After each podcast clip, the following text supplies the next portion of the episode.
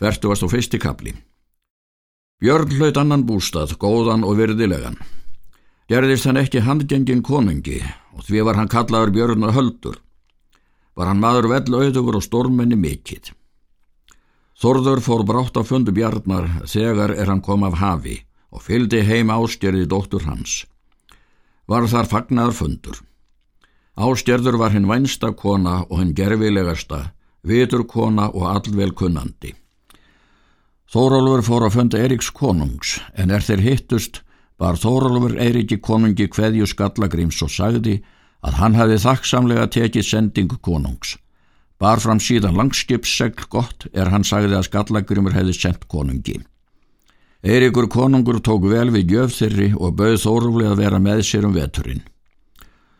Þórólfur þakkaði konungi bóð sitt. Ég mun nú fyrst fara til Þóris á ég við hann nöðsynja erindi. Síðan fór Þórólfur til Þóris sem hann hafi sagt og fekk þar allgóðar viðtökur. Bauð Þórir honum að vera með sér. Þórólfur sagði að hann myndi það þekkjast og er sá maður með mér að þar skal vist hafa sem ég er. Hann er bróður minn og hefur hann ekki fyrr heimann gengið og þarf hann að ég veiti honum um sjá.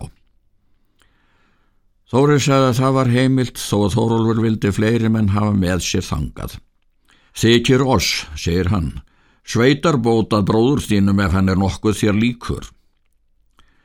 Síðan fór Þórólfur til skipsins og letað upp setja og umbúa en hann fór og eigill til Þóris hersis. Þórir áttu sonur hétt Arnbjörn. Hann var nokkuru eldri en eigill. Arnbjörn var þegar snemma skörulegur maður og henn mesti íþróttamaður.